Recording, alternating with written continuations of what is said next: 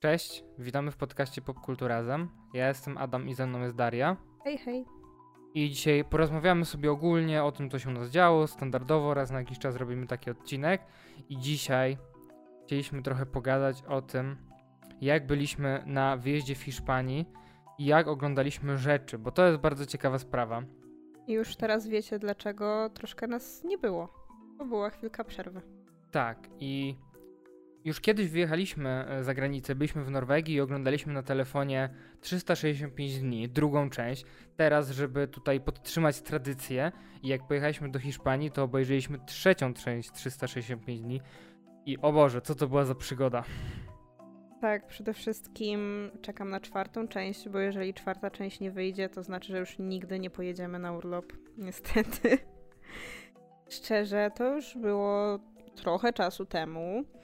I ja niewiele pamiętam z tego filmu, niestety. Pamiętam tyle, że był znów strasznie nudny i że przewinęliśmy chyba wszystkie sceny erotyczne, bo też były nudne. Czyli przewinęliśmy połowę filmu. tak, jakby. Jak, jak on się w ogóle skończył? Nie wiem, nie obchodzi mnie to. Ja tylko pamiętam, że najlepszym punktem tego, tego filmu była ta przyjaciółka, bo tak. ja miałem wrażenie, że ona cały film improwizowała i po prostu dobrze się bawiła na planie. Tak, ale w każdym filmie tak jest, że ona jest jedynym jakimś tam światełkiem w tunelu w tym wszystkim. Pomimo tego, że jest zrobiona jak taki, wiesz, typowy stereotyp Polki, która ciągle by tylko piła i imprezowała, ale musi przy tym oczywiście ładnie wyglądać, no i y, lubi facetów z kasą, więc jakby wygląda jak po prostu idealny stereotyp Polki na zachodzie, więc y, nie jest to zbyt dobra reklama dla nas. Jakby cały ten film nie jest dobrą reklamą dla nas. Ale widać, że no, to jest jedyna osoba, która tam ma jakąkolwiek charyzmę i jak, jak, jakąkolwiek, nie wiem, osobowość w ogóle. Ale no sam film był no nudny, no jak każdy. I jeszcze jedną rzeczą, która była fajna w nim, to to, że powstał ten mem z, bo jak ktoś oglądał z audiodeskrypcją, to w tym momencie było napisane chlupotanie. Tak, ja jeszcze oprócz tego, że oglądaliśmy te 45 dni, to gdzieś tam w międzyczasie, czy tak byliśmy w samolocie, czy trochę komunikacją, czy gdzieś tam na plaży, to sobie włączałem seriale. Jednym z tych seriali był Cyberpunk Edge Runners. I ja nie jestem fanem anime, ja nigdy nie lubiłem tej stylistyki. Próbowałem się wkręcić, obejrzałem ze dwa filmy, które mi znajomy polecił. Oglądałem ze dwa seriale, zacząłem, ale nigdy nie skończyłem, więc ogólnie nie jestem fanem. I w sumie Edge Runners jest ok dla mnie, ale no znów jakby cała ta otoczka anime jest dla mnie trochę nie do przełknięcia i ta, ten rozwój bohatera w tym serialu jest strasznie szybki. W sensie to jest ten problem, który miałem z grą. W sensie najciekawsza rzecz tego serialu dzieje się poza kadrem. Podobnie jak z grą. Najciekawsza rzecz gry dzieje się poza kadrem. Bo jest tak, że mamy wstęp, poznajemy bohatera, poznajemy kim on jest. No i okazuje się, że on wpada na jakiś tam, wiesz, e, trop, dostaje jakiś tam e, szkielet, egzoszkielet czy coś takiego. No i wstrzykuje to w siebie. No i mamy nagle taki jakby szybkie mont szybki montaż, jak on dochodzi do tego, że jest przypakowany i ogólnie jak się staje taką powiedzmy potęgą. I później już oglądamy, jak jest potężny i robi różne rzeczy, nie? I w grze jest tak samo.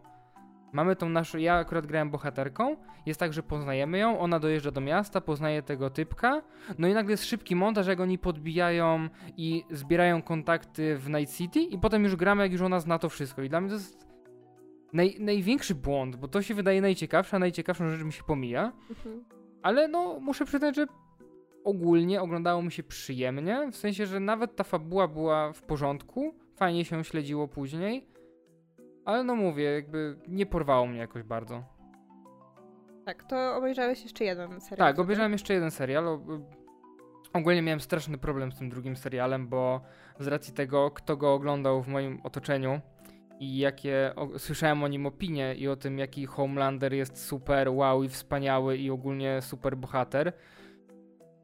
I ogólnie myślałem, że serial jest ogólnie dla takich edgy chłopców, którzy wiesz, są tacy, no, e, no, no. Tacy, co lubią Snydera i mówią, że no, u mnie to Batman defrauduje pieniądze, a Superman zabija ludzi. Tak, no i obejrzałem The Boys, obejrzałem sobie parę sezonów, dokończyłem w domu i muszę przyznać, że bardzo się myliłem, bo serial jest naprawdę dobry I teraz już wiem, że te osoby, którym ten serial się podobał, to ten serial wyśmiewa te osoby i te osoby o tym nie wiedzą i to jest jeszcze śmieszniejsze.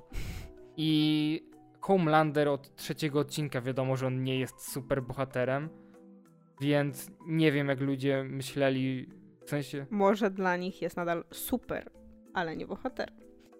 Ja nie wiem, bo ja nie oglądałam, chociaż Adaś próbuje mnie namówić, więc może kiedyś się to zdarzy. No ale to nie będziemy już o tym pewnie rozmawiać szerzej, bo trochę nie ma sensu, chyba że jak wyjdzie nowy sezon.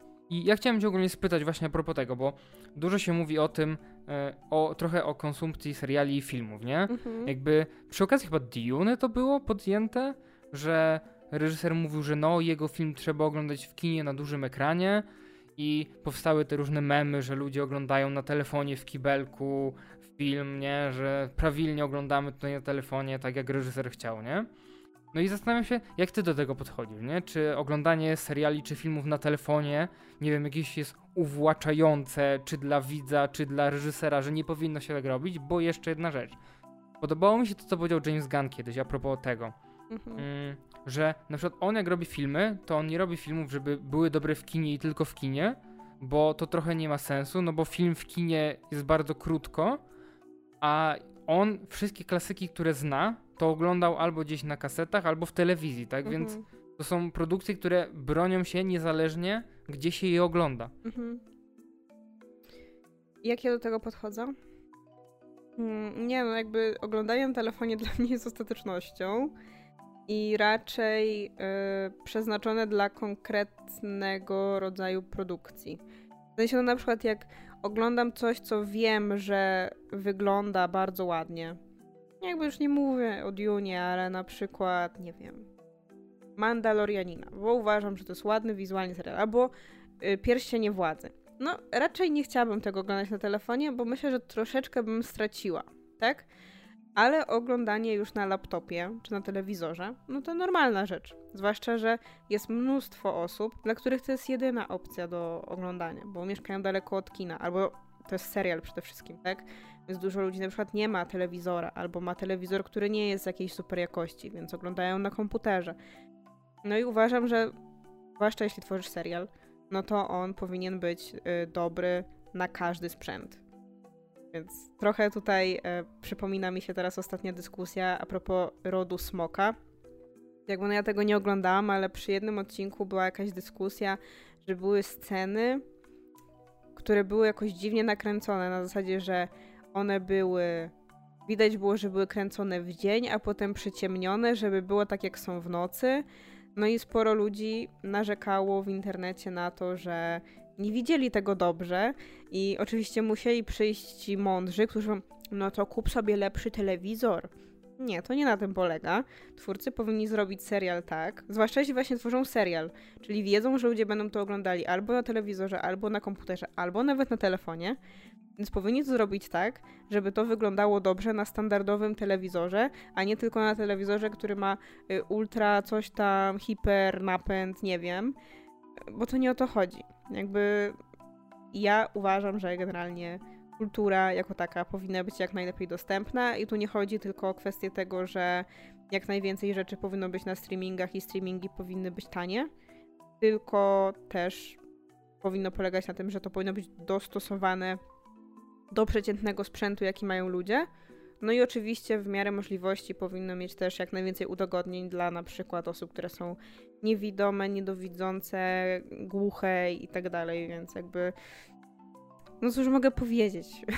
No nie, no bo ja właśnie na, mnie taka myśl trochę, czy wiesz, na przykład dużo tracę, ale mam takie wrażenie, że nie wiem, może ja takie mam wrażenie, ale wydaje mi się, że dużo ludzi może oglądać seriale na telefonie, a to dlatego właśnie tak jak tutaj, nie? Lecisz gdzieś, idziesz komunikacją. Ja na przykład The Walking Dead, pierwsze sezony oglądałem jak jeździłem do szkoły. Mhm. w pociągu, bo akurat miałem czas w jedną, w drugą stronę, to akurat był jeden odcinek i robiłem sobie przerwę jeszcze w środku odcinka, Mhm. nie? No bo nie starczało mi czasu.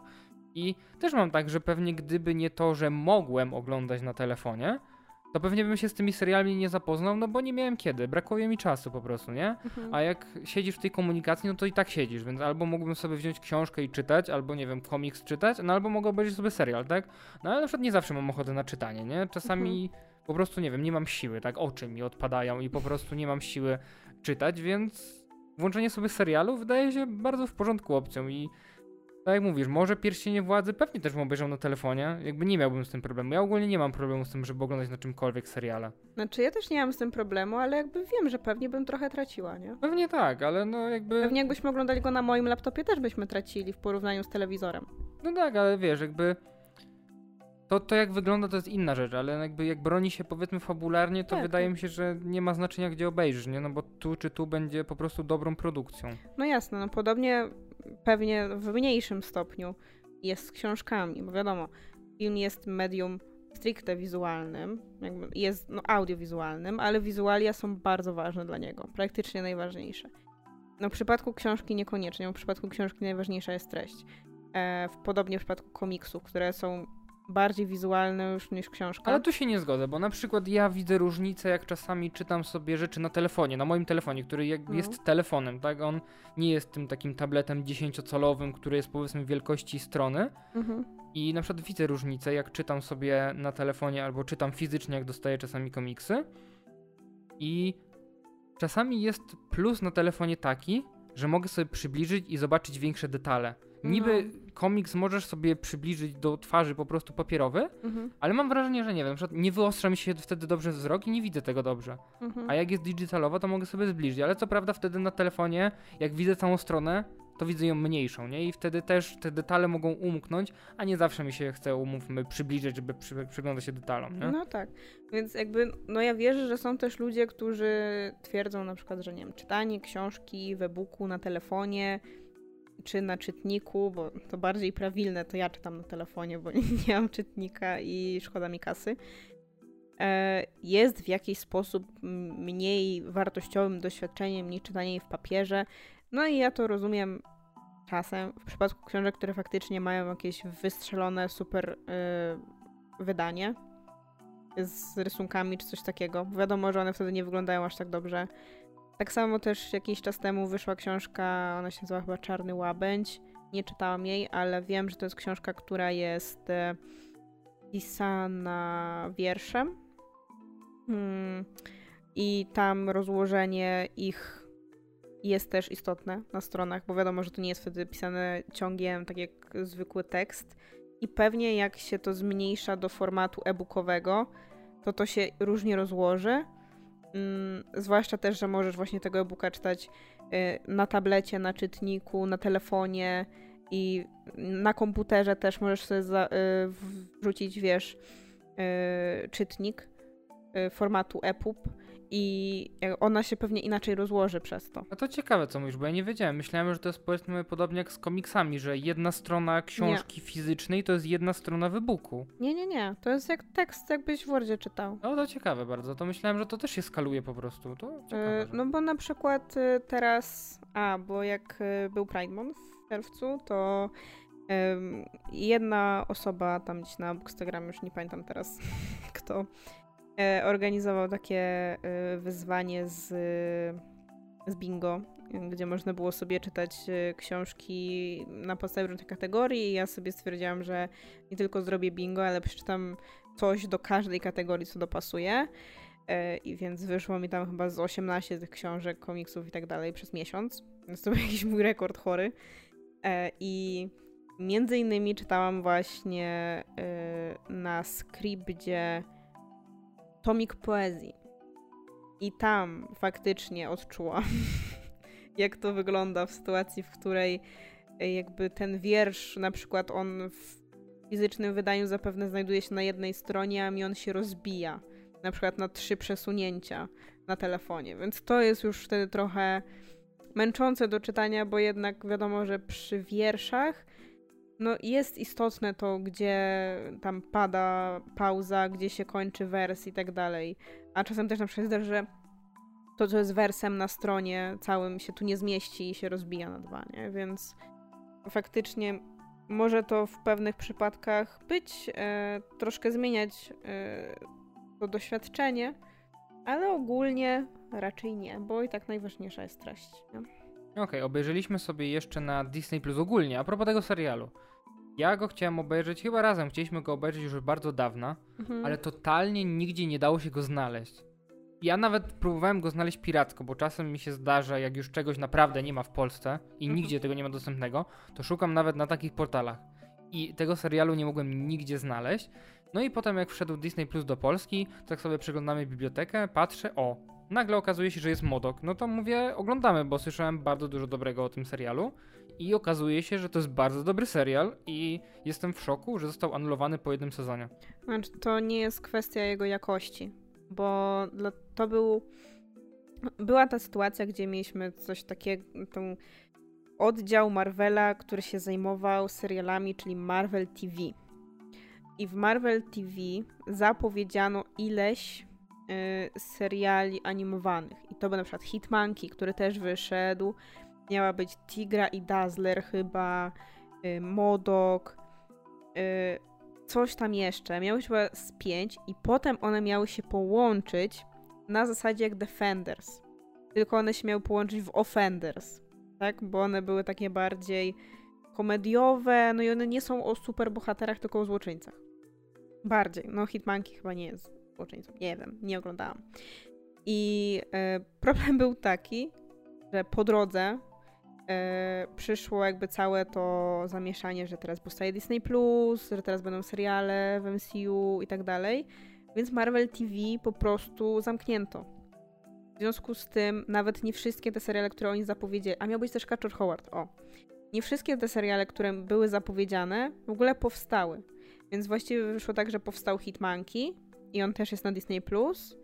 E, powstał Modok i to wszystko. Więc te wszystkie Tigra i Dazzler tak jak w ogóle nie doszły do skutku, a te po prostu no, dostały jeden sezon, bo tyle już było zrobione. Najwidoczniej były już na takim etapie produkcji i, i tyle. I jakby nie kontynuowali ich, dlatego że Marvel TV się zamknęło całe. No szkoda, bo jeżeli wszystkie seriale byłyby na podobnym poziomie jak Modok, no to bardzo szkoda, bo Modok jest naprawdę jakościowo świetny. Mhm.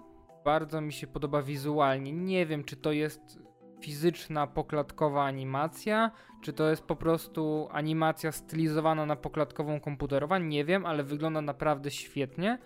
I humor. Jakby to jest totalnie mój humor. Ja lubię taki absurdalny, dziwny humor i Modok jest totalnie w moim stylu.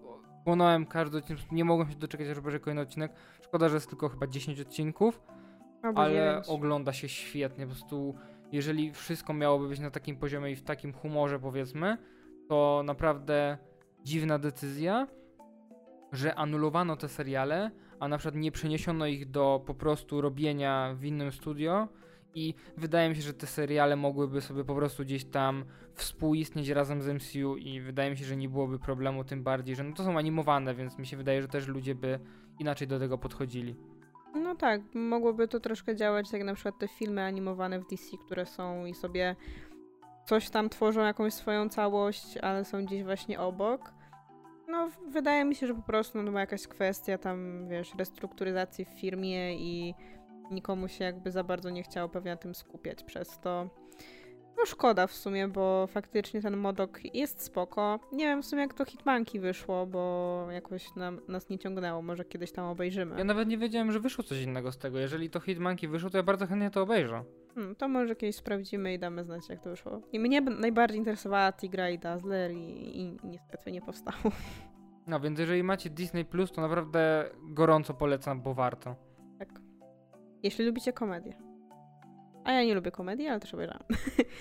Y, Dobrze, to teraz y, jeszcze z innych serialowych rzeczy obejrzeliśmy coś tym razem z Amazona.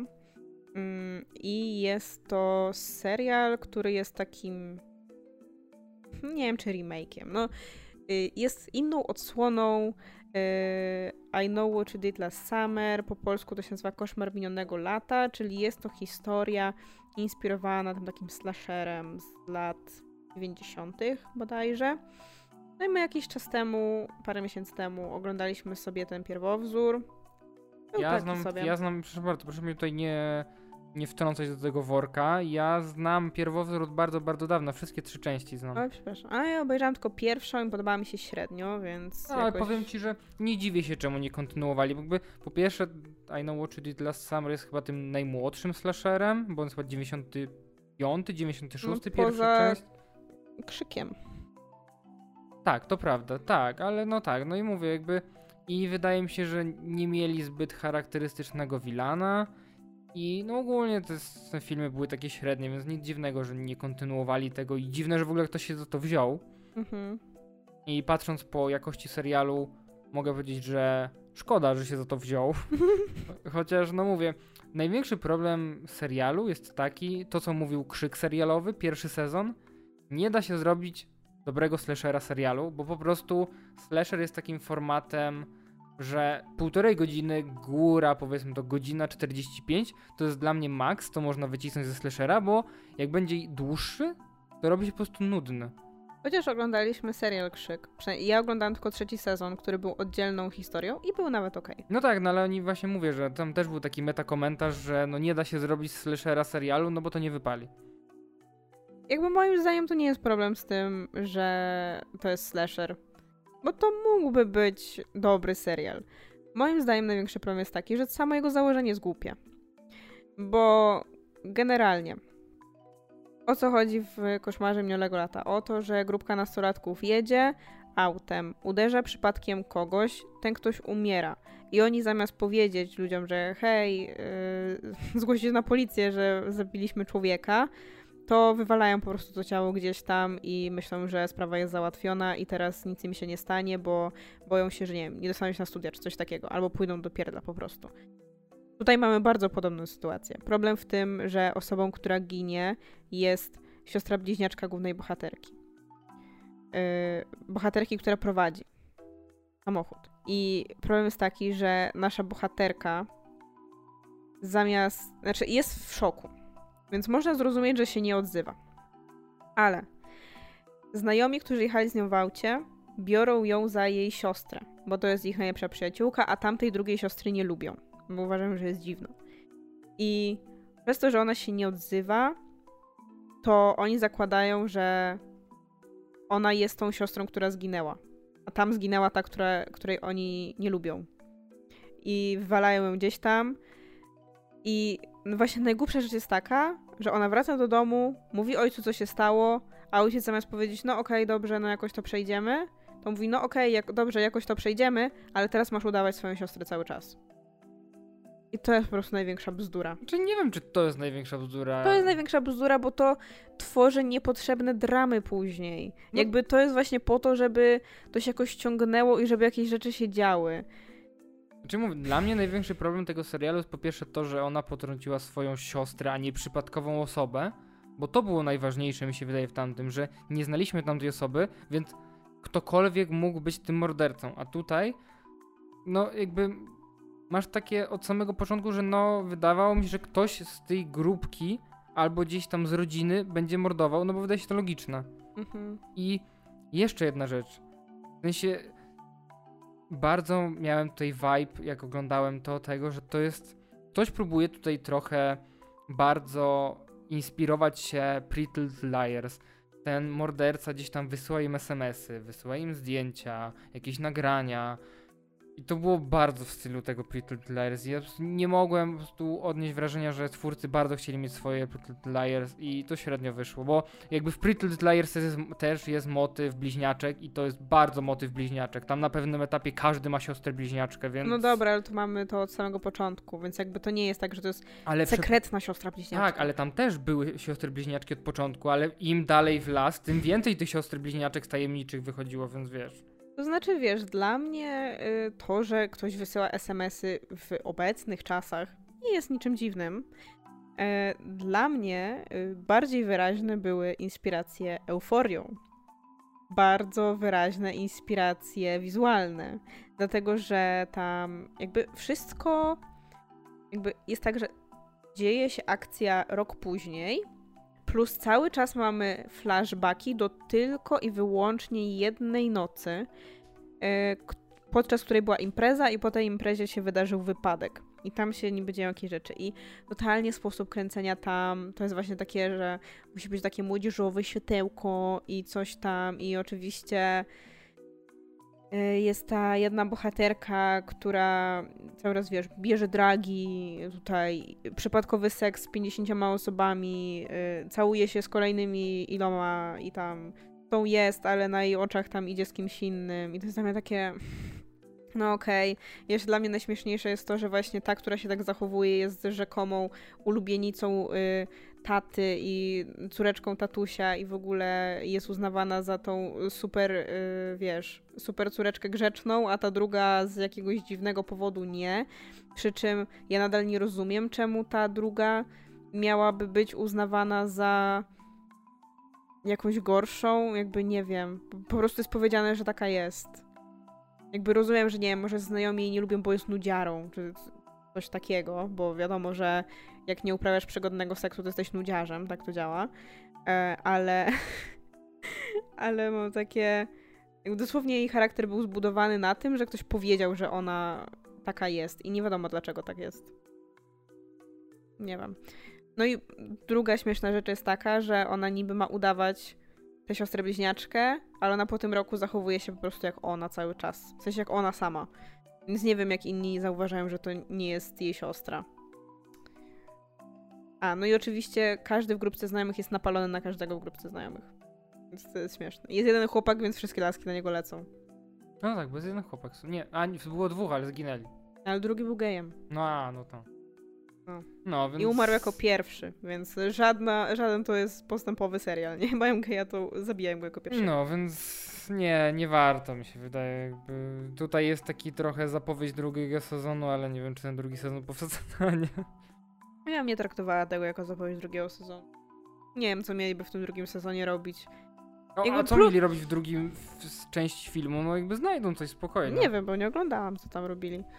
Ale jedyny, jedyna taka zaskakująca rzecz to jest to, że y, jakby wybór na samym końcu bohaterki jest totalnie z dupy i wydaje mi się, że on był zrobiony w taki sposób tylko właśnie dlatego, żeby był z dupy i żeby wszyscy myśleli, czemu ona tak zrobiła, bo to jest totalnie nielogiczne. Ale no okej. E, A, w sumie jeszcze e, dwa słowa, bo obejrzeliśmy sobie na Disney Plus jeszcze film Barbarzyńcy, też Barbarian. To dla mnie ciekawe, dlaczego po polsku jest w liczbie mnogiej. A w oryginale w pojedynczej. Nie wiem. I, I co uważasz o tym filmie w ogóle?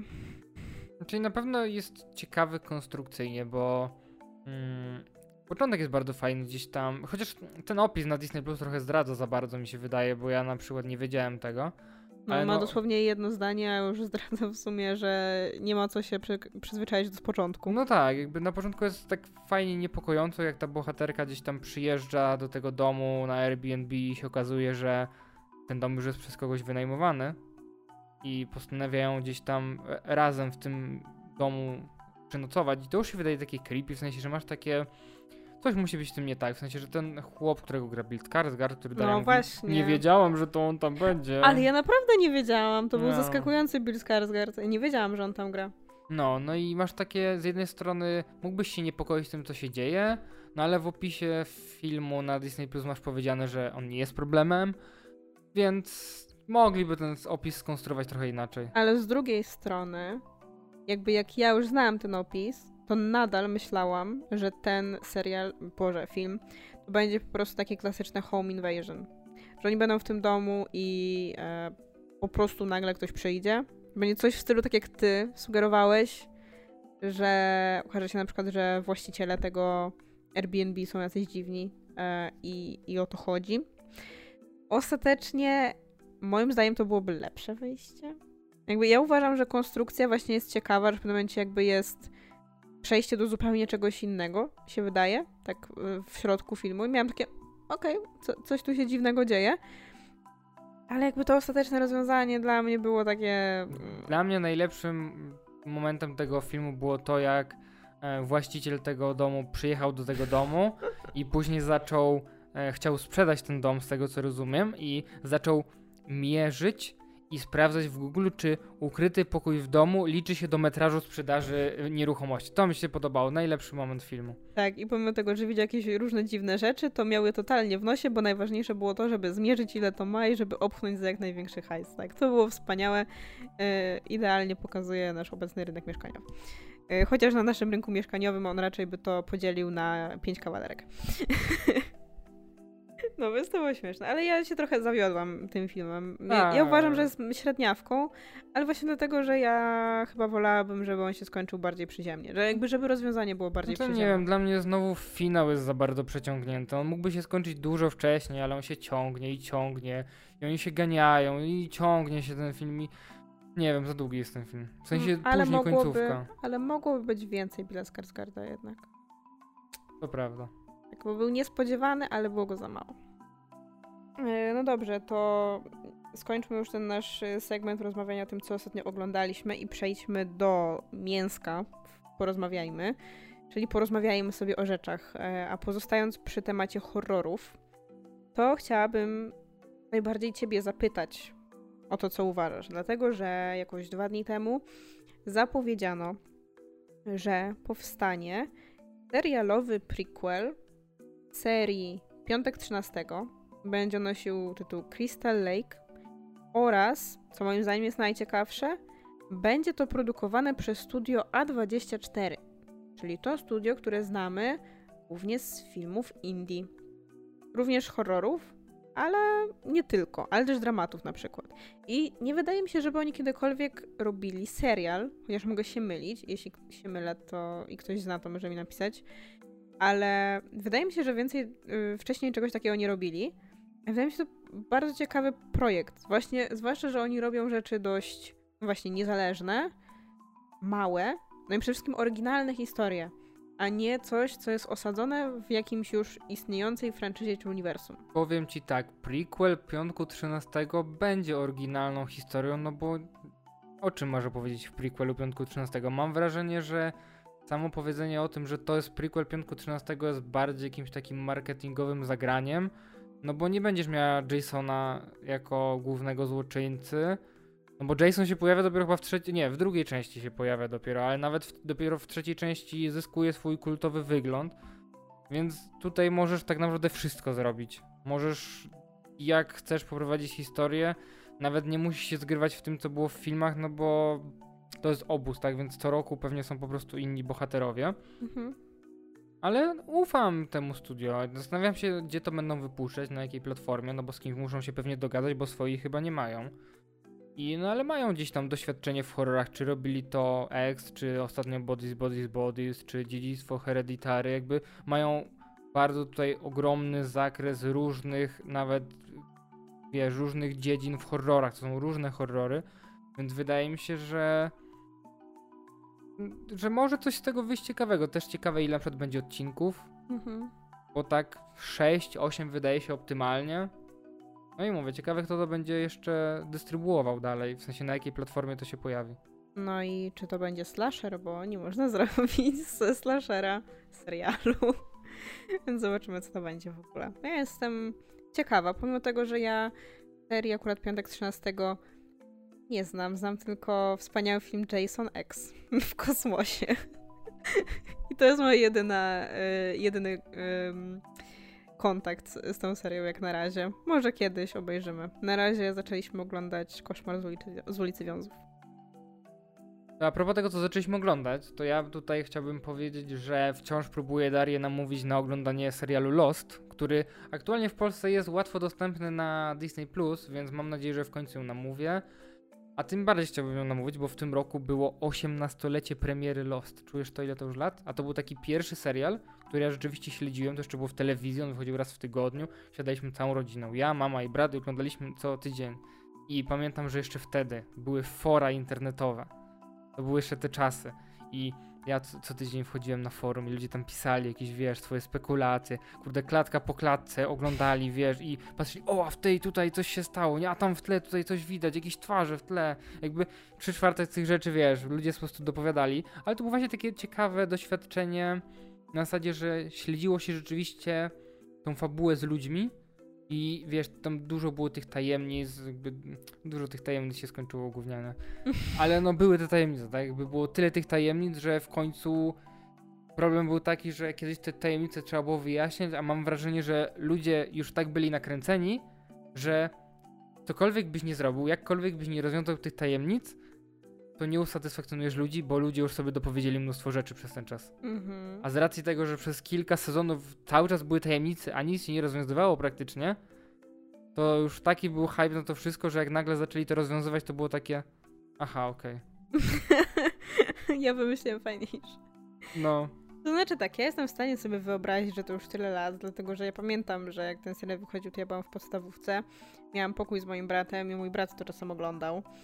E, chociaż no jakby tylko on oglądał. E, więc nie było siadania całą rodziną. Wydaje mi się, że jak ja miałam tam kurde 8 lat, to nie interesowałam się takimi rzeczami.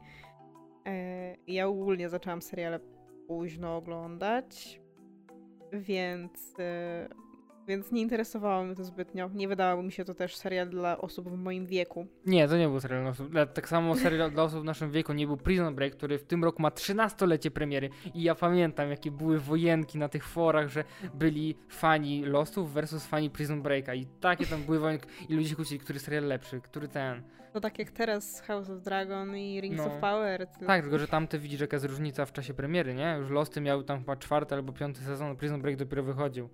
No i Losty tak się zaczęły psuć na poziomie czwartego sezonu. Chyba właśnie był ten czas tych strajk scenarzystów, to było wtedy. I wtedy musieli skrócić Losty chyba z 20 odcinków do...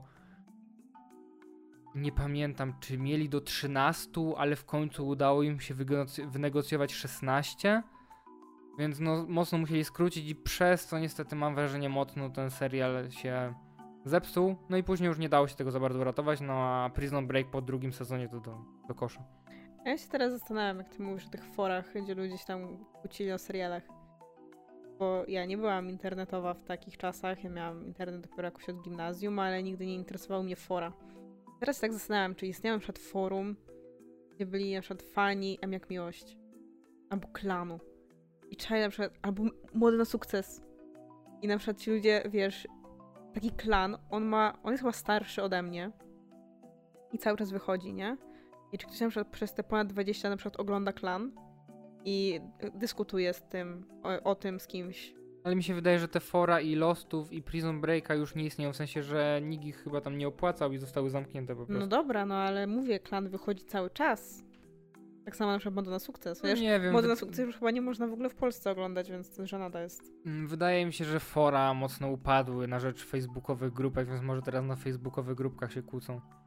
A myślę, że jakby były facebookowe grupki o klanie, to byśmy o tym wiedzieli już dawno. Ale właśnie zastanawiam się nawet, czy w takich czasach, nie, tam 15 lat temu istniało coś takiego, nie? Że na przykład fani na wspólnej dyskutowali o tym. Bardzo mnie to ciekawi, naprawdę.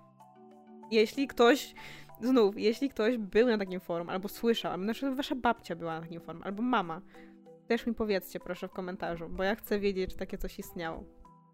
Bo na przykład wiesz, my sobie myślimy, że fora to już jest przeżytek, a na przykład istnieje cały czas ta kafeteria, gdzie są y, jakieś, wiesz, baby spuszczone ze smyczy, które się tam, wiesz, y, śledzą życie jakiś tam Andziaks i mówiąc tam się u niej dzieje i wyszukują jakieś teorie spiskowe, więc więc różne rzeczy się dzieją nadal w, na forach. No dobrze, to teraz przejdziemy chyba do największej bomby ostatniego tygodnia i największego tematu w internecie ostatnio, który dzieli Polaków, a mianowicie do Wiedźmina. Dlatego, że mm, parę dni temu Henry Cavill, czyli największa gwiazda serialu, poinformował, że po trzecim sezonie odchodzi z serialu. I że wówczas będziemy mieli recast.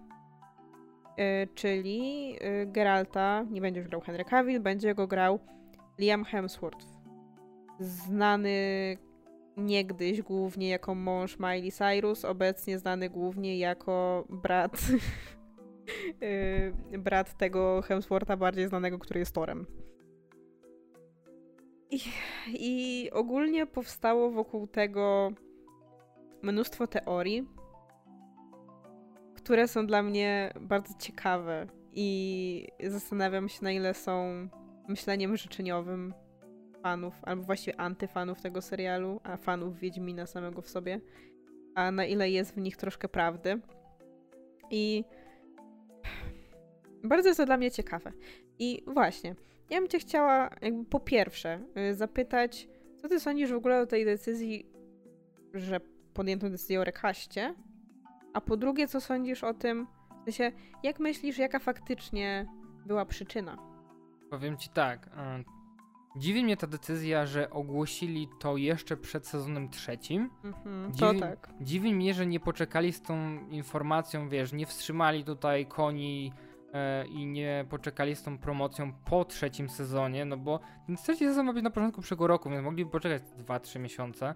I wydaje mi się, że tutaj ludzie, jakby widzowie, antyfani, jak to nazwałaś, e, ta informacja zbiegła się z tym, że scenarzysta, który odszedł, czy go wywalili, nieważne, bo to on mówił, więc to słowo przeciwko słowu, powiedział, że no tam ogólnie przy pisaniu tego scenariusza serialu, no to inni tam showrunnerzy i scenarzyści to oni w ogóle nie są fanami książek i gardzą w ogóle książkami i grami, że oni piszą swoją historię i coś takiego. I z racji tego, że to zbiegło się z tą informacją, no to ludzie podłapali tutaj e, tą narrację, że Cavill odszedł tutaj jako wielki fan książek i gier, że on nie będzie w tym syfie dalej grał, nie będzie się w tym błocie tutaj dalej taplał z innymi tutaj, wiesz, bo oni niszczą Wiedźmina, niszczą to dziedzictwo.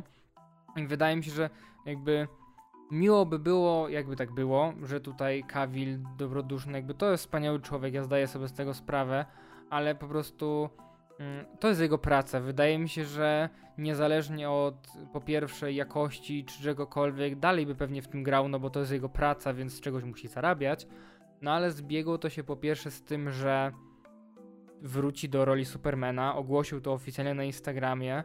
Chodzą plotki, że ma zagrać w Bondzie, więc logicznym jest, że weźmie rolę w filmie, no bo z filmów dostanie o wiele większą kasę niż z serialu, umówmy się.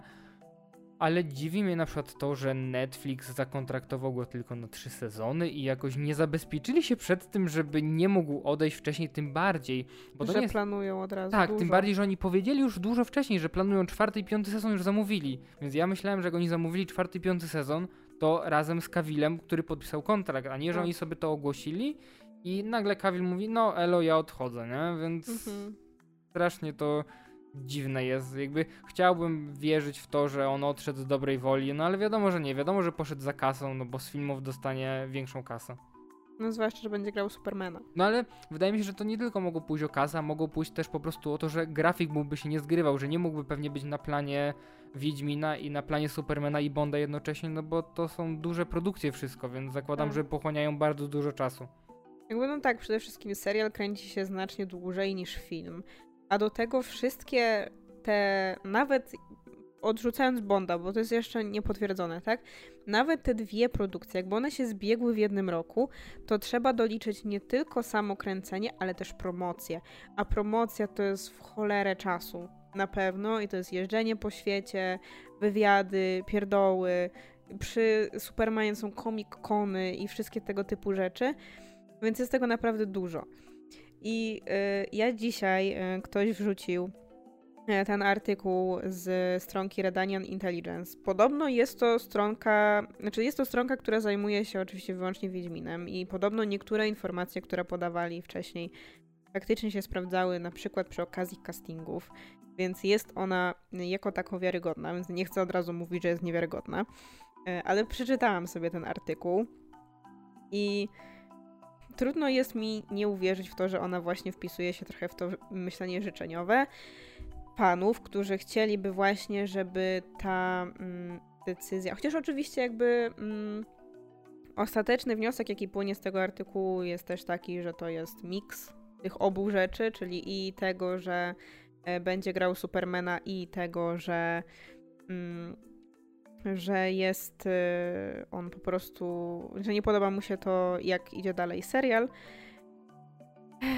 Ale trudno jest mi y, nie podważać troszeczkę wiarygodności artykułu, w którym autor twierdzi, że rok temu mieliśmy informacje, ale wam o tym nie powiedzieliśmy, ale teraz się sprawdziło, więc wam mówimy, że rok temu mieliśmy już taką informację. Bo mam takie. No mogliście to nawet wrzucić wtedy, ale podkreślić wyraźnie, że to jest jakaś plota, która była gdzieś zasłyszana i żeby ludzie nie brali tego za bardzo na serio. No bo jeśli ktoś mi po roku mówi, że nieznane źródło powiedziało mi coś rok temu i ja wam teraz mówię, że to mi się sprawdza po roku, no to przykro mi, ale no ja nie wierzę w takie coś, tak? Bo to może każdy powiedzieć, ja też mogę to powiedzieć, że Henry Cavill do mnie dzwonił trzy miesiące temu i mi powiedział, że w ogóle ta Loren to głupia jest i tam, nie wiem, stopy jej śmiercą, czy coś takiego, nie? Dlatego on już nie będzie tam grał. Więc ja uważam po prostu, że to jest jakiś miks obu rzeczy. Że może być faktycznie tak, że. Bo zbudowano nam ten taki romantyczny, mm, romantyczny wizerunek Kawila, który jest po prostu, wiesz, największym fanem Geralta i on to w ogóle, wiesz, chciałby, żeby on był taki jak w książce. Wiesz, wydaje mi się, że on chciał bardziej, żeby był jak w grze. Yy, ale no, że on to by chciał, żeby ten Geralt to był po prostu taki, jak wiesz, Bóg Sapkowski go stworzył i nic nie można zmieniać, a ci okropni twórcy z tą Loren na, na czele yy, są straszni i tak dalej. Więc, yy, więc on się tutaj wstawił, on jest jak my, fani Wiedźmina i on odszedł. I teraz my na barykady i już nie będziemy nigdy oglądali tego serialu i plujemy na niego i tak dalej, więc... Czyli plus jest dla mnie też taki tego, że nie postanowili anulować po prostu serialu, tylko kontynuują go z innym aktorem. Jakby spoko, skoro mają do opowiedzenia jakąś historię dalej, to fajnie, że nie postawili na to, ok, Cavill odchodzi, no to anulujemy serial. I wszyscy ludzie stracą pracę. Tak, ale wydaje mi się też, że Liam będzie o wiele tańszy niż Cavill, więc Mm. może będą mogli dopracować inne rzeczy. Zobaczymy. Ja jestem ciekawy, na przykład ja chętnie sprawdzę z nowym aktorem serial, chociaż miałem nie wracać do trzeciego sezonu, ale z racji zmiany aktora może sprawdzę, może coś się poprawi. Jak nie, no to będę wiedział i sobie odpuszczę. Jakby tym- Znaczy, on będzie dopiero w czwartym sezonie. No wiem, dlatego mówię, że trzeci sezon może jeszcze jakoś przeboleje. No, ale mm, z jednej strony właśnie ty mówisz, że fajnie, że nie anulowali, ale moim zdaniem to ilość głosów ludzi, którzy na grupkach wiedźminowych czy na innych grupkach mówią, och, już mogli anulować, pięknie pokazuje, jaka, jaka jest, jakie jest podejście ludzi, przeciętnego widza do rekastów. Bo wiadomo, że mm, trwają cały czas te dyskusje, ale za jakiś tydzień będzie ich jeszcze więcej przy okazji Black Panthera. Przy czym wiadomo, że to jest oczywiście inna sytuacja, bo tutaj nam aktor umarł, więc to jest coś innego. Ale jednak to chyba wyraźnie pokazuje, jak ludzie jednak przywiązują się do aktora i jak łączą go z postacią.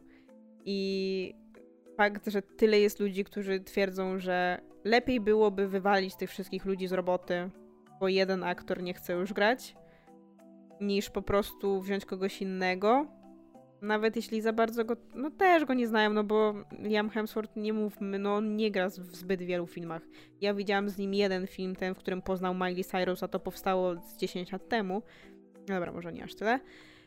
To no to dużo pokazuje na temat tego, jak to faktycznie wygląda i em, że stwierdzenie, jakbyśmy teraz, nie wiem, wymienili Czale na innego losowego aktora i ludzie by nagle stwierdzili, że wow, to jest wspaniały pomysł i zupełnie nie przeszkadza nam to, no to jest no, dość romantyczna wizja, nie? No, wspomniałem o tym, że Cavill wraca do Supermana, ładny ma strój, cieszę się, fajnie, że Cavill w końcu będzie, mam nadzieję, że w końcu dostanie, e, że będzie dobry reżyser, dobry scenarzysta i w końcu pokażą Supermana na ekranie godnie, a nie tak, jak to zrobił Snyder. A jak już jesteśmy przy DC, to dostaliśmy informację, że James Gunn i Peter Safran mają objąć tutaj rolę CEO DC Studios, bo zostało przemianowane to na DC Studios. No i będą pełnić taką funkcję trochę Kevin Feige w Marvel Studios, tak? Czyli będą zarządzać całym uniwersum, mają tutaj e, obrać wspólną tutaj wizję, spójność uniwersum i mają poprowadzić to na wyżyny świetności. No to tak, e, od razu powiem, że James Gunn jest dla mnie nadzieją właśnie na to, że Superman będzie dobry. Że Superman będzie nadzieją, symbolem nadziei, a nie symbolem nie wiem czemu, czego, mroku łażącym do zamrażającej się w wannie Amy Adams, smutnej. i wiesz, że nie będzie Supermanem w czarnym, mrocznym stroju, tylko będzie Supermanem z loczkiem, może bez gaci czerwonych, ale już to przeżyję.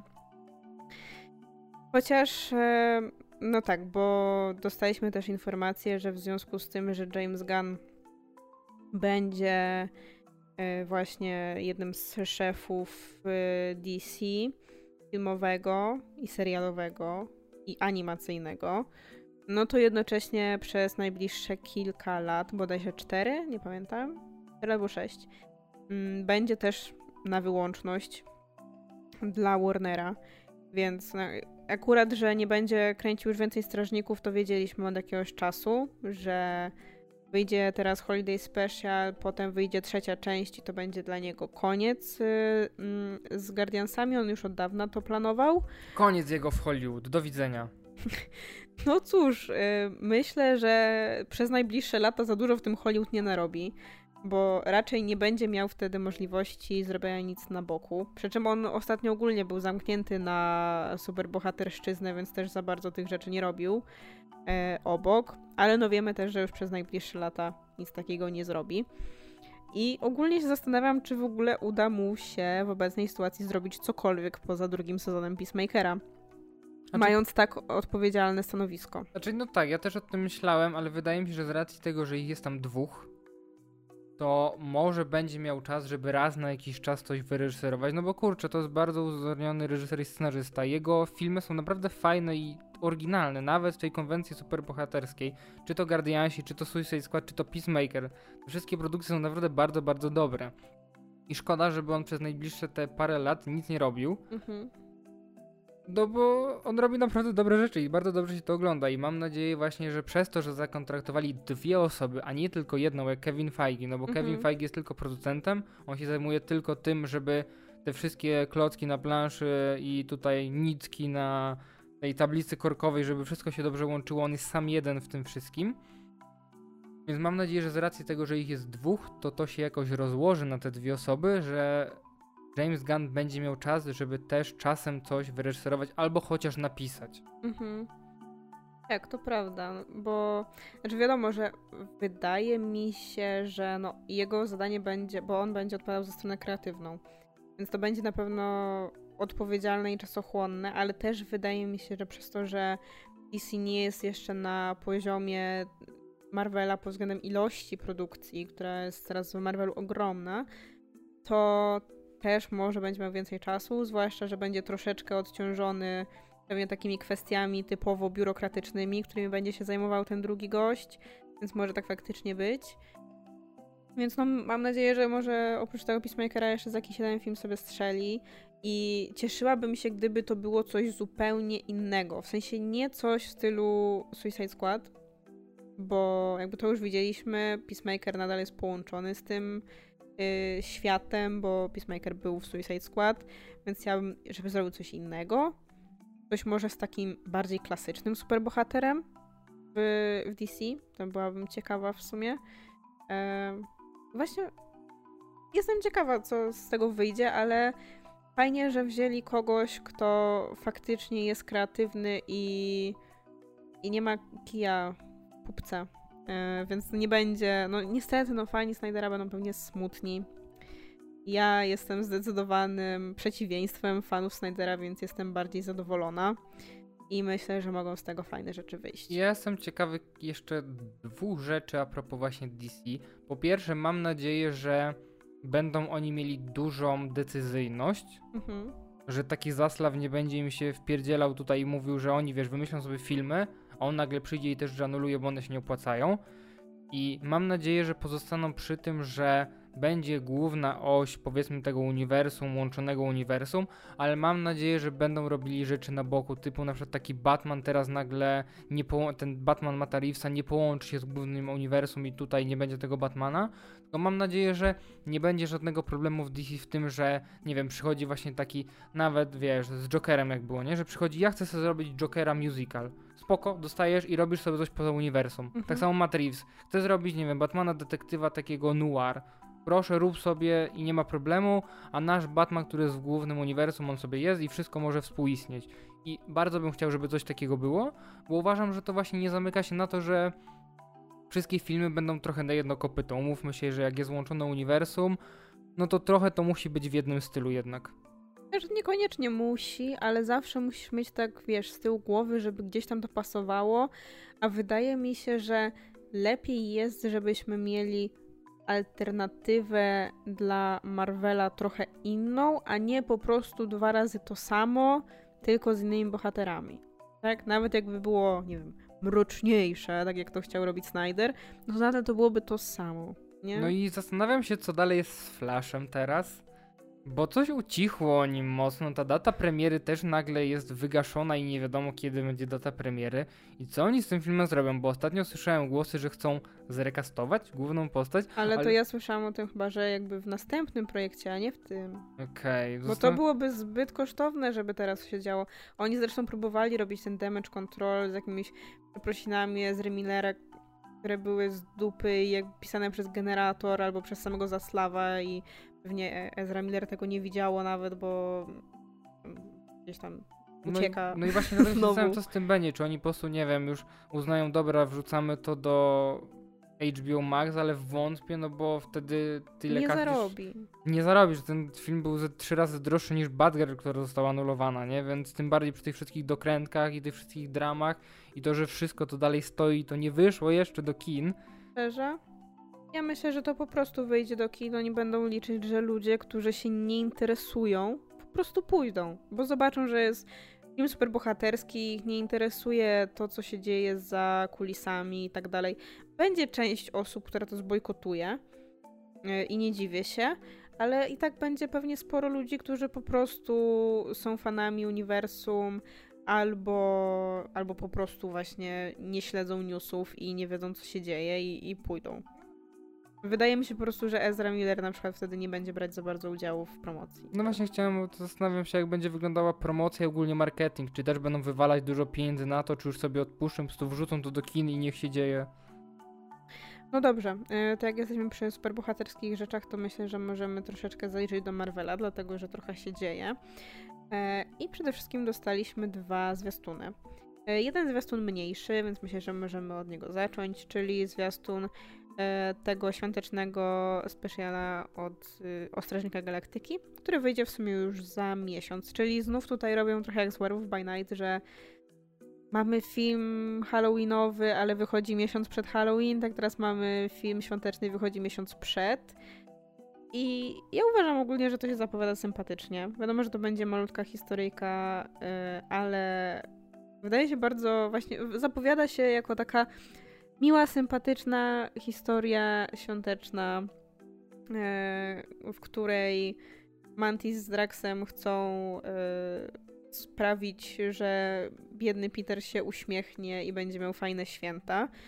I wydaje mi się to naprawdę bardzo fajne, zwłaszcza, że mówię, Gun to robi, a Gun raczej się wydaje taką marką samą w sobie, że raczej by tego nie spierniczył, bo Guardiansi mu wychodzą bardzo dobrze. Więc ja raczej jestem nastawiona bardzo pozytywnie. Myślę, że to będzie taki, taka fajna pierdółka. Tak, ten zwiastun wygląda bardzo uroczo. E, jak właśnie oni tutaj widzą, że Peter jest smutny, uznają, że no on coś tam, jakieś święta mają, no to zróbmy mu święta. I będą święta, będą takie najbardziej to, co znajdą, żeby było najbardziej takie ziemskie święta. No i jest czad tutaj, e, gród piękny, e, przypakowany. Kurczę, no jakby czekam, no bo czemu mam nie czekać? Są Guardiansi, jest gun, jest kolorowo i będzie muzyka I jeszcze fajna. jest to y, super absurdalne założenie, że jak Peter lubi, lubi jakiegoś aktora, to dobrym pomysłem jako prezent jest porwanie go po prostu i wsadzenie go pod choinkę. tak, a drugi zwiastun już trochę większej produkcji, znaczy dużo większej, to jest pierwszy zwiastun e, Antmana i Wasp Quantumani. Quantamani? Nie pamiętam jak się to nazywa. Tego, gdzie będą w wymiarze kwantowym i w którym pojawi się Kang. I szczerze, nadal to jest taki projekt, który mnie ani ziębi, ani grzeje. I to raczej nie wynika z faktu nawet jaki jest sam zwiastun, tylko z faktu, że takie samo miałam podejście do wszystkich filmów z Ant-Manem. Znaczy dla mnie problem tego jest taki, że ten film wygląda jak. Który, to, ten film wygląda jak coś, co powinno być sequelem do jedynki, a nie do dwójki. bo w końcu dostajemy ten wymiar kwantowy i będzie ich tam więcej. I to jest to, co miało być w dwójce, tego nie było. I ja też mam takie, że po dwójce się trochę zawiodłem, więc tam trójkę pójdę, no bo pójdę, no bo, no bo pójdę, bo czemu nie? Ale mam nadzieję, że z racji tego, że w końcu będzie ich tam więcej, no bo ma być i Ant-Man, i ma być Wops, i ma być córka, i ma być rodzina, i to wygląda... Gdyby to robił Gunn, to bym uznał, że to będzie taki fajny, rodzinny e, film komediowy. Trochę jak ludzie zaczęli to porównywać do Małych Agentów, ale to mam wrażenie, że przez to, że wizualnie. przez wizualia. Nie uważam, że ten film wygląda tak źle wizualnie. Nie wiem, czemu Hmm. ludzie tak aż, aż tak bardzo do Małych Agentów. Wiadomo, że musi wyglądać dziwnie, no bo całe tła są sztuczne, tak? No, będzie to wyglądało dziwnie dla nas. Znaczy, no ludzie mają problem z tym, że to znowu skręcono na tych ekranach, a nie na green screenie, przez co tła się mocno odcinają od postaci, tak? No ale też zobaczymy, jak to będzie wyglądało ostatecznie, bo już trochę czasu zostało. No niby tak, ale w torze jakoś za bardzo tego nie naprawili, więc zakładam, że tutaj może być podobnie. E, Ciekawie mnie jak wypadnie Kang, bo widać, że Kang będzie zupełnie inną postacią niż był w Loki, bo to jest inny Kang z tego co rozumiem. No tak. No tak, to jest inny Kang. Więc ciekawe jak to wypadnie, bo tutaj wygląda takiego bardziej poważnego, bardziej mrocznego i mam wrażenie, że ten Kang to jest ten taki Prime Kang, który będzie później w tym Kang Dynasty. Możliwe, no albo tam też będzie znowu więcej Kangów. No, dla mnie właśnie jedyna nadzieja w tym filmie jest taka, że uda się stworzyć fajną dynamikę tą rodzinną właśnie, bo jak w pierwszym mieliśmy głównie y, Antmana, potem mieliśmy Antmana razem z Wasp, ja już w ogóle drugiego filmu nie pamiętam. I teraz będziemy mieli całą piątkę. Strzelam, że to będzie pewnie ostatni film dla Hanka Pyma i Janet Van Dyne, takie mam przypuszczenia.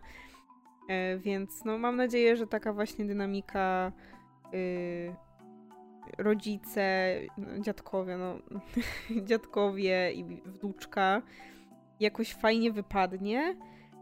Jednocześnie z tym Kangiem, który właśnie no, wydaje się zupełnie jakby nie pasować do Antmana, który jest taki wyluzowanym śmieszkiem. I jakby właśnie dla mnie to jest smutne, bo dla mnie sama postać Antmana jest bardzo sympatyczna, ale w ogóle jakoś mnie te jego filmy nie, nie przyciągają do siebie.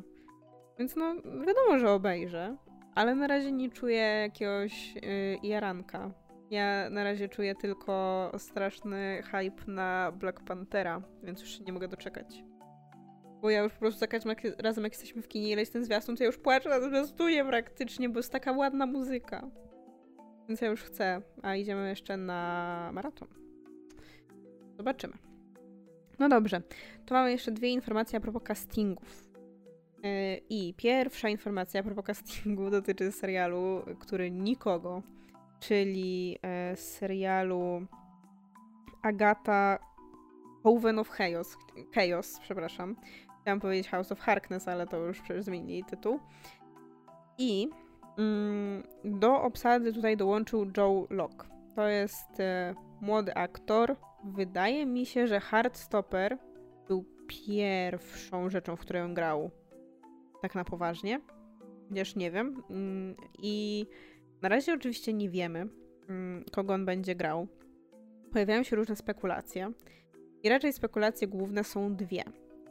Pierwsza, nie wiem za bardzo, jak miałaby pasować do tego serialu, yy, czyli że miałby być to Wiccan, czyli syn Wandy.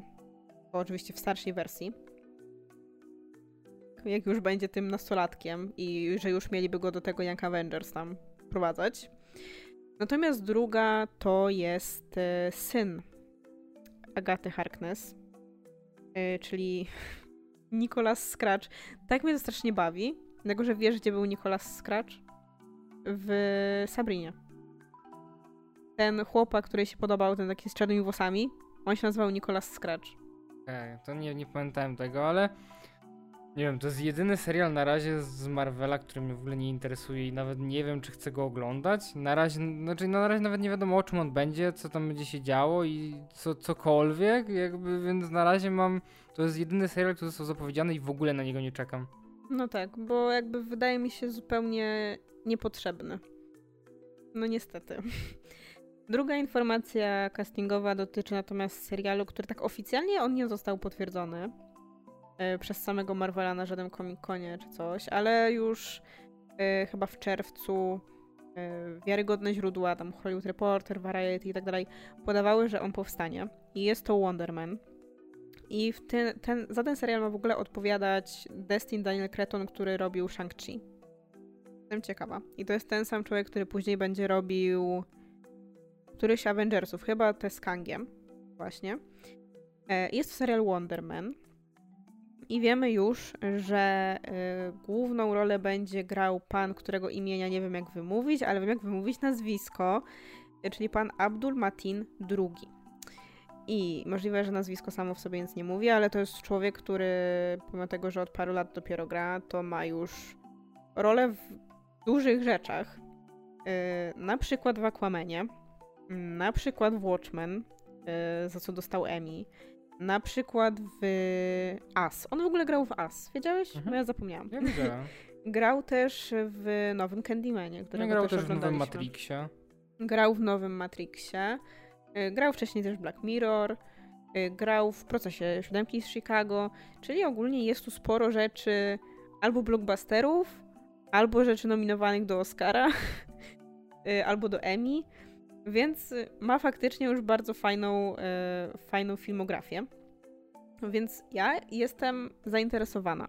Ja, ja jestem ogólnie zaciekawiony tym, że w końcu to ma być ten, taka produkcja, która będzie opowiadała o takiej e, części MCU, której właśnie nie eksplorujemy, no bo żyjemy w tych czasach, to jest coś, co mi się w The Boys bardzo podoba. I coś, czego mi właśnie brakuje w MCU, no i trochę tak jak rozmawialiśmy, nie ma na to dziś miejsca, no bo jednak ci superbohaterowie żyją w tym świecie, jakby są, no, celebrytami powiedzmy w tym świecie, umówmy się, chociaż MCU za bardzo tego nie pokazuje, to jest jakby dla mnie dziwną, dzi, dziwne strasznie. Trochę w, w Spider-Manie o tym wspominano, że gdzieś tam nastolatkowie, wiesz, Mary Kill, e, fuck i takie różne rzeczy, wiesz, że to jest tam jakieś tam, wiesz, różne gdzieś tam się nakrasza, mam tutaj na Tora czy coś takiego, nie? Trochę w Spider-Manie o tym było, ale było bardzo mało. A wydaje mi się, że w takim świecie, w którym, w którym są superbohaterowie i są właśnie tacy bardzo znani, to byliby też bardzo medialni, no i wiesz, jakiś merch, takie rzeczy, filmy, jakby w samym uniwersum powinny powstawać, nie? Więc wydaje mi się, że to może być właśnie taka dobra produkcja, żeby eksplorować tę część MCU, której mi brakuje, a która powinna być. No to znaczy, wiesz, Miss Marvel też troszkę do tego nawiązywała, gdzie mieliśmy AvengerCon, które pokazuje, że Avengersi są i na swój sposób celebrytami. No ale, ale, ale nie widać tego. ale właśnie, bo ja chciałam to powiedzieć. She-Hulk moim zdaniem trochę sugeruje, że to wynika z tego, że sami w sobie Avengersi, oni nie chcą być medialni. Że na przykład taki Hulk, on nie pójdzie do telewizji. Co nie zmienia faktu, że osoby z mocami mają szansę stać się sławni, bo tak się stało z Jennifer, taka jest Tania. Tania jest influencerką, która znana jest z tego, że ma moce, tak? Więc tutaj może być podobnie, dlatego że mamy Wondermana, który jest aktorem yy, jednocześnie. W Eternals był chłop, który był aktorem, chociaż chyba on nie mówił otwarcie chyba, że ma nie, moce, on nie? po prostu, nie, on po prostu grał przez wiele lat, ale on po prostu udawał, że jest różnymi ludźmi, nie? Więc nie mówił o swoich y, w ogóle tym. Żył jak normalny człowiek. A tutaj właśnie myślę, że można trochę pociągnąć taki wątek jak z Tytanią, gdzie jest na przykład ktoś, kto jest aktorem i może na swój sposób buduje swoją sławę tym, że ma moce i przez to staje się bardziej sławny. Może tak być. Ja jestem w stanie jakby założyć sobie, że sami w sobie Avengersi po prostu nie są zainteresowani za bardzo mediami. No bo widzieliśmy na przykład w Falconie Winter Soldierze, że pod koniec e, już Kapitan Ameryka no, udzielił jakiegoś tam wywiadu po akcji, ale no właśnie to jest takie, że oni nie robią siebie celebrytów, tylko no zajmują się swoją robotą. Wydaje mi się, że nawet jeżeli oni sami w sobie nie chcieliby być celebrytami, to jest to, co było pokazane w She-Hulk, że i tak powstawałby merch, powstawałyby filmy na ich podstawie. Tak samo jak w Hawkeye'u jest musical. I wydaje mi się, że takich rzeczy jest za mało w MCU. No ale też widzisz, że coraz więcej tego jest, więc pewnie dalej będziemy to eksplorować. nie? Dlatego mówię, że podoba mi się pomysł, bo chciałbym, żeby ta część MCU była eksplorowana, bo mi jej brakuje po prostu. Mhm. A właśnie, bo w sumie zapomniałam o jeszcze jednej rzeczy w związku z Marvelem, już poza Wondermanem. Yy, I wydaje mi się, że to też znamienne dość, że zapowiedziano kolejny serial o białym Visionie. Czyli jakiś Vision Quest. Tak samo chyba mam podejście trochę, czyli, no bo to znowu zapowiedziane i tyle, tak? Jakby spoko, że Paul Bettany będzie miał tutaj pracę, jakby super, ale no znowu to jest tak rzucone i nie wiadomo o czym będzie, kiedy my się, znaczy kiedy, pewnie po WandaVision, no ale o czym będzie, co tam będzie się działo, kto tam będzie grał jeszcze, ile będzie miał odcinków. Ciężko mi się jakkolwiek tym jarać. No ale no trudno jest o tym mówić, jak zapowiadamy rzeczy do przodu, do przodu. Wydaje no. mi się, że błędem jest po prostu zapowiadanie rzeczy do przodu, do przodu, bo to trochę jak DC zapowiadało 500 rzeczy, tylko oni potem 300 z tych rzeczy anulowali. Marvel pewnie tego nie zrobi, ale no to też, jakby znowu, to nie jest tak, że oni sami to zapowiedzieli. To jest coś, co wypłynęło. Więc to nie jest tak, że oni przyszli na Comic Conie i powiedzieli, dzień dobry, robimy. Tak robili z Agatą. Ale też Agata ma dość szybko wyjść, to chyba jakoś w przyszłym roku. Więc w sumie raczej nie dziwi mnie to. Ale no tutaj to jakby jest informacja, która poszła ze skupa jakiegoś i, i tyle, a nie Powiem tak, to jest znowu spin-off spin-offu. W sumie tak średnio mnie interesuje na razie. No to jakby jest mi też troszkę tak znaczy, na swój sposób mam także spoko, fajnie, Paul Bettany fajnie grał Wieżona, ale to jest nadal takie, że no oni nie chcą, żeby te postaci umierały, oni mi dadzą umrzeć. Tak samo jak z Wandą, gdzie druga część Doktora Strange'a nam bardzo sugeruje, że ona umarła, ale cały czas są te takie, wiesz, wywiady, że no może wróci, no może coś tam. I dla mnie to jest takie, dajmy ją umrzeć, jak już chcemy kogoś uśmiercić faktycznie, nie? Z wyjątkiem Tonego Starka który umarł. A może tam też wrócić jako głos czy hologram, bo w komiksach tak było, więc nigdy nic nie wiadomo. Ale no, moim zdaniem fajnie byłoby, żeby e, jak ktoś chce faktycznie uśmiercić postać, to żeby ją uśmiercił, nie tylko wtedy, jeśli ktoś umrze, tak jak Chadwick Boseman. Chociaż no, nadal to jest bardzo komiksowe.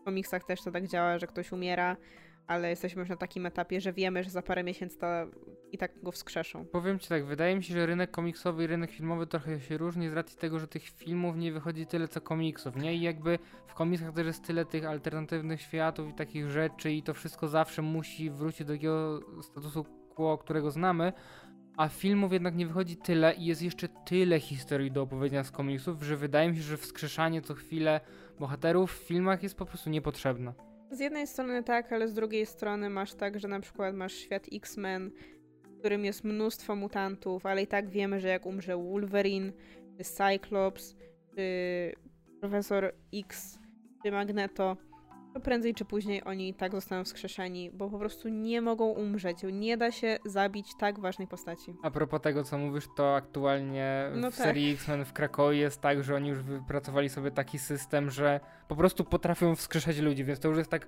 trochę fabularnie powiedziane, że okej, okay, zginiesz, no ale mamy twoje e, backup twojego ciała, mamy backup twojego umysłu, więc jakby zawsze możesz wrócić z powrotem do życia, nie? Ale przynajmniej podoba mi się, że jakby jest to wprost po prostu powiedziane, a nie musisz wymyślić 15 fikołek, żeby przywrócić tego Wolverina do życia.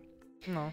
Więc y, ja wiem, że tak to działa i moim zdaniem to jest akurat spoko, ale no właśnie troszkę mnie już to irytuje też, że trochę to już przechodzi też na ten świat filmowo-serialowy, nie? Że nie możesz jakiejś postaci ubić do końca. Nawet jeśli tutaj jest, wiesz, że to będzie biały Vision, ten co odleciał, więc to nie jest ten sam, ale no wiadomo.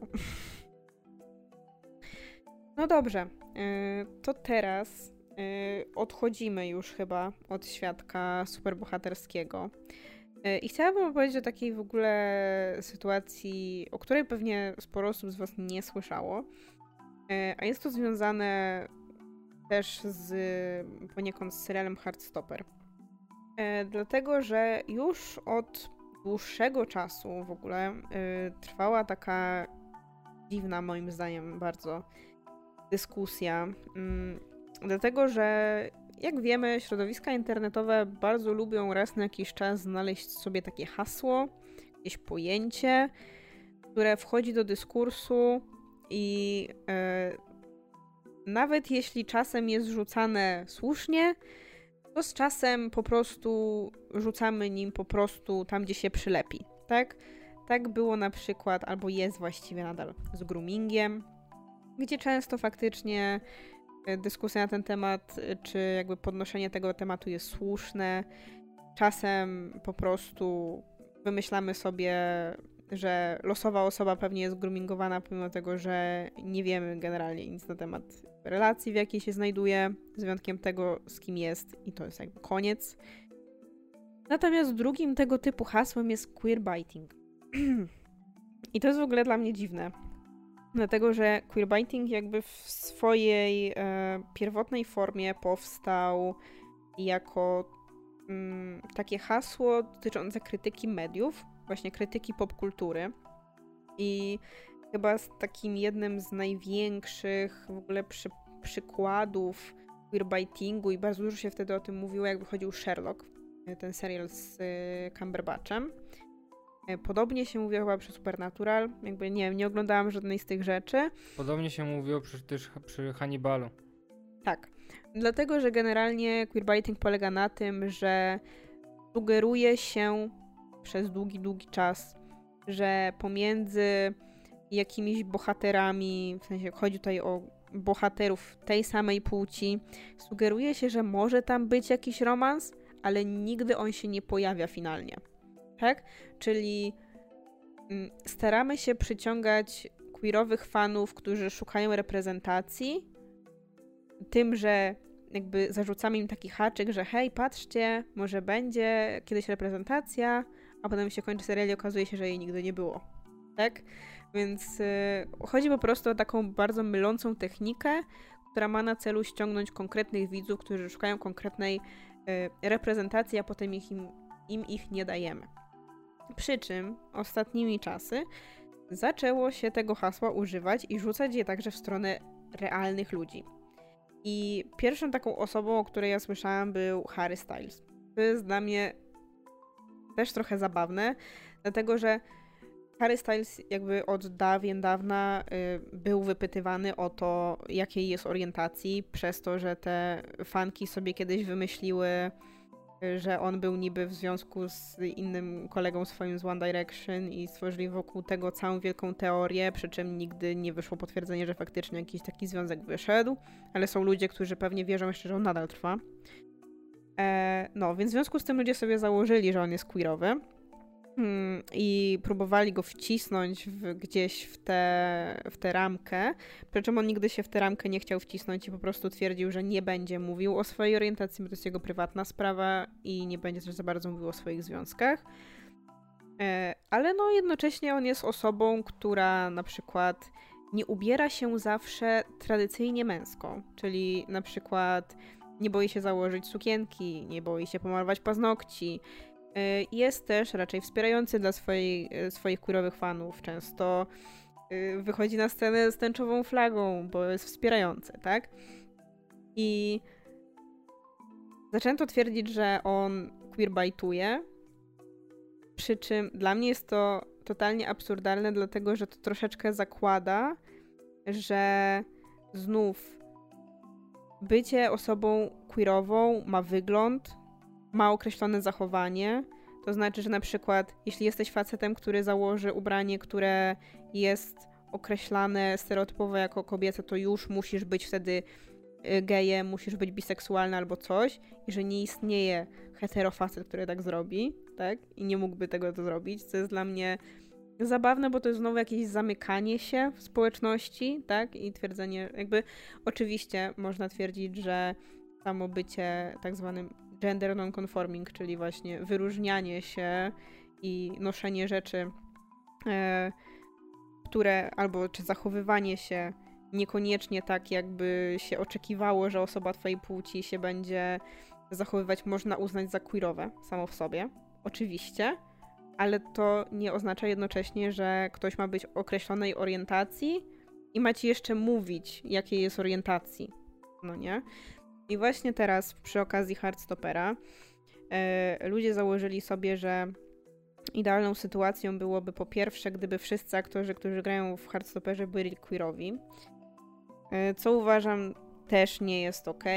Uważam, że powinno się tego pilnować przy postaciach transpłciowych, żeby nie było dalej sytuacji w stylu hehe, chłop przybrał za babę, bo to też yy, utwierdza pewne stereotypy, a przynajmniej jak transpłciowi y, aktorzy grają transpłciowe postaci, to ludzie wreszcie mogą zobaczyć, jak transpłciowe osoby faktycznie wyglądają.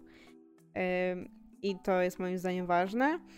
Natomiast jeśli chodzi o granie osoby orientacji XYZ, nie wydaje mi się, żeby było to konieczne. I przede wszystkim, to, że ktoś dostaje jakąś rolę, nie oznacza, że musi teraz przyjść i powiedzieć ci: Dzień dobry, ja jestem orientacji XYZ. Tak?